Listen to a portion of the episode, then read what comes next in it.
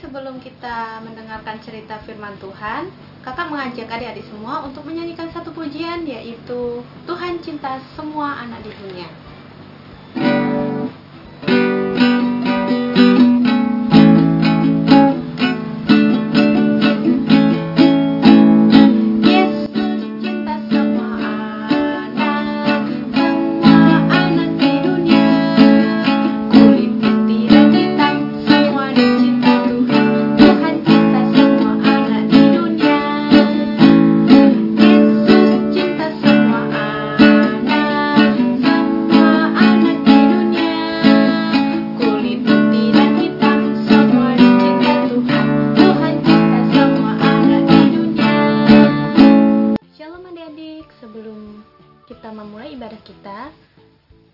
Mengajak adik-adik semua untuk berdoa terlebih dahulu.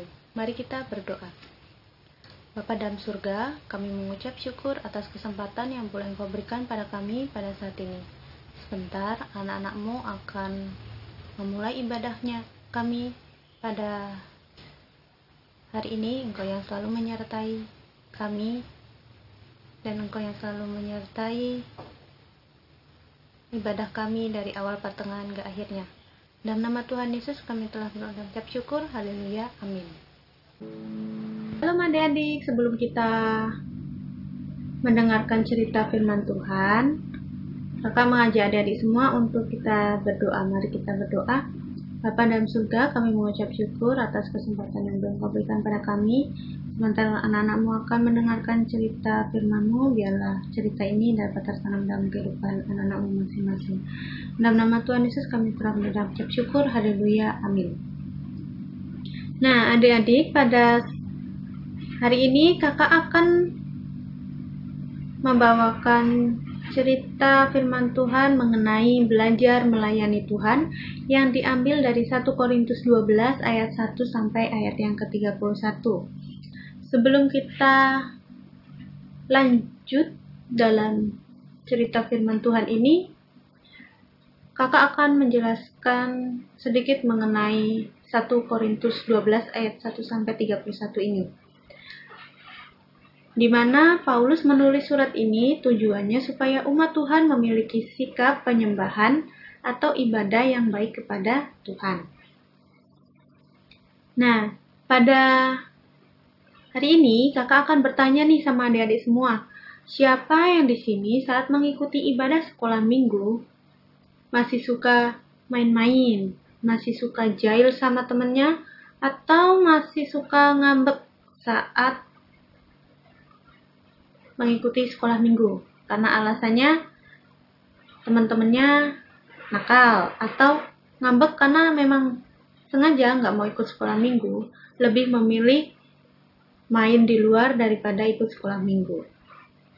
Pasti di sini pernah ya semua adik-adik mengalami hal itu.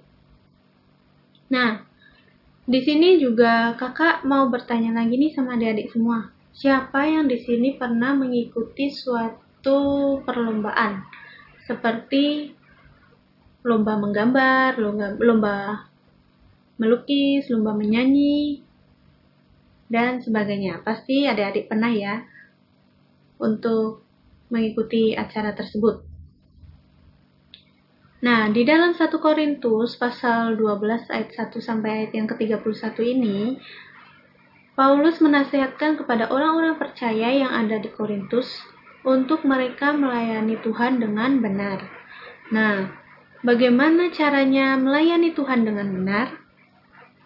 Yang pertama, memuji Tuhan dengan sungguh-sungguh, tidak dengan main-main. Yang kedua, mendengarkan firman Tuhan, tidak cerita sendiri atau saat mendengarkan firman Tuhan yang disampaikan oleh guru sekolah minggu, kita adik-adik tidak cerita dengan teman-teman yang ada di sebelah kita atau di belakang kita.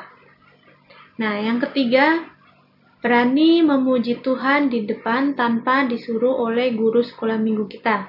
Jadi, saat guru sekolah minggu bertanya, atau sebelum guru sekolah minggu bertanya, kita sudah berani bilang, Bu, saya mau memuji Tuhan. Nah, yang keempat, anak-anak kita sebagai anak-anak Tuhan harus memiliki kasih baik kepada teman kita, guru kita, orang tua kita, maupun orang-orang yang ada di sekitar kita. Nah, yang terakhir, kita sebagai anak-anak Tuhan harus bisa menjadi berkat melalui tindakan kita, seperti tidak mencontek saat ulangan, tidak berkelahi dengan teman-teman kita, tidak sombong karena kita memiliki mainan yang bagus atau nilai yang baik. Nah, dari semua itu merupakan contoh dari bagaimana kita dapat melayani Tuhan dengan benar. Kalau adik-adik melihat di dalam ayat yang ke-12 sampai ayat yang ke-26, di situ kita dapat melihat bahwa jika satu anggota menderita, maka semua anggota turut menderita. Jika satu anggota dihormati, semua turut bersuka cita. Nah, apa maksud dari kata-kata Paulus itu? Nah, maksudnya, jika salah satu dari anggota tubuh kita tidak berfungsi, maka bagaimana kita dapat melakukan sesuatu hal.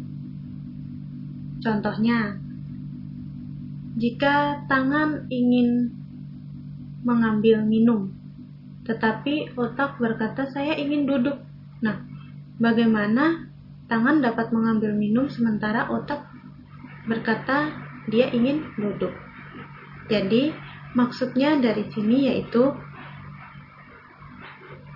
tubuh kita harus bisa bekerja sama, mulai dari otak kita sampai kepada kaki kita. Sama seperti adik-adik semua.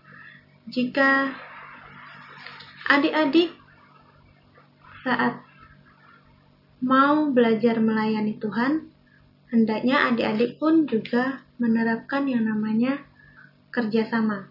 Kerjasama itu penting, bukan hanya kerjasama saat kita ingin menjalin teman atau sebagainya, tetapi kerjasama yang baik, yaitu sama-sama belajar firman Tuhan, sama-sama menghafal ayat hafalan dengan benar, dan sama-sama ingin memuji Tuhan.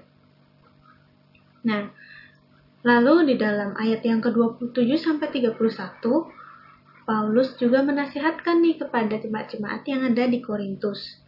Nah, salah satu kunci utamanya dalam melayani Tuhan itu adalah apa? Kasih. Tanpa kasih, tidak ada yang namanya kita saling bekerja sama. Tanpa kasih juga, kita tidak tahu apa itu menghormati, apa itu memberikan sesuatu kepada teman kita. Nah, maka dari itu kita sebagai anak-anak Tuhan harus dapat melayani Tuhan. Yang pertama itu harus melalui dengan kasih. Dan yang kedua, kita juga harus memakai berkat yang telah diberikan oleh Tuhan untuk melayani Tuhan. Kalau kita bisa menyanyi, coba adik-adik eh, di sekolah minggu untuk menjadi singer atau pemimpin pujian yaitu WL. Kalau adik-adik suka menari, nah adik-adik bisa tuh untuk belajar tamborin. Kalau adik-adik suka mengajar, nah adik-adik juga bisa menjadi guru sekolah minggu atau pendeta seperti kakak.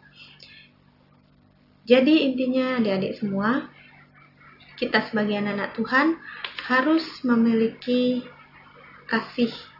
Jika kita sudah memiliki kasih, maka kita dapat melayani Tuhan dengan sungguh-sungguh. Dan menjadi ayat hafalan pada hari ini yaitu di dalam 1 Korintus pasal 12 ayat yang ke-11. 1 Korintus pasal 12 ayat yang ke-11. Tetapi semuanya ini dikerjakan oleh roh yang satu dan yang sama yang memberikan karunia tiap-tiap orang secara khusus seperti yang dikehendakinya. Kakak akan mengulangi lagi ya adik-adik, ayat hafalannya diambil dari 1 Korintus 12 ayat yang ke-11. Tetapi semuanya ini dikerjakan oleh roh yang satu dan yang sama, yang memberikan karunia tiap-tiap orang secara khusus seperti yang dikehendakinya. Amin firman Tuhan pada hari ini.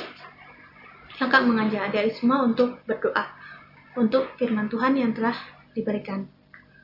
Mari kita berdoa.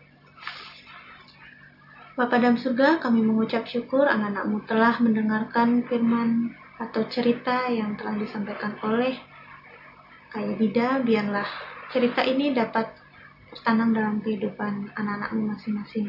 Biarlah mereka bisa belajar untuk melayani Tuhan dengan sungguh-sungguh tanpa main-main. Dalam nama Tuhan Yesus kami telah berucap syukur. Haleluya. Amin. Amin adik-adik semua. Terima kasih. Tuhan Yesus memberkati.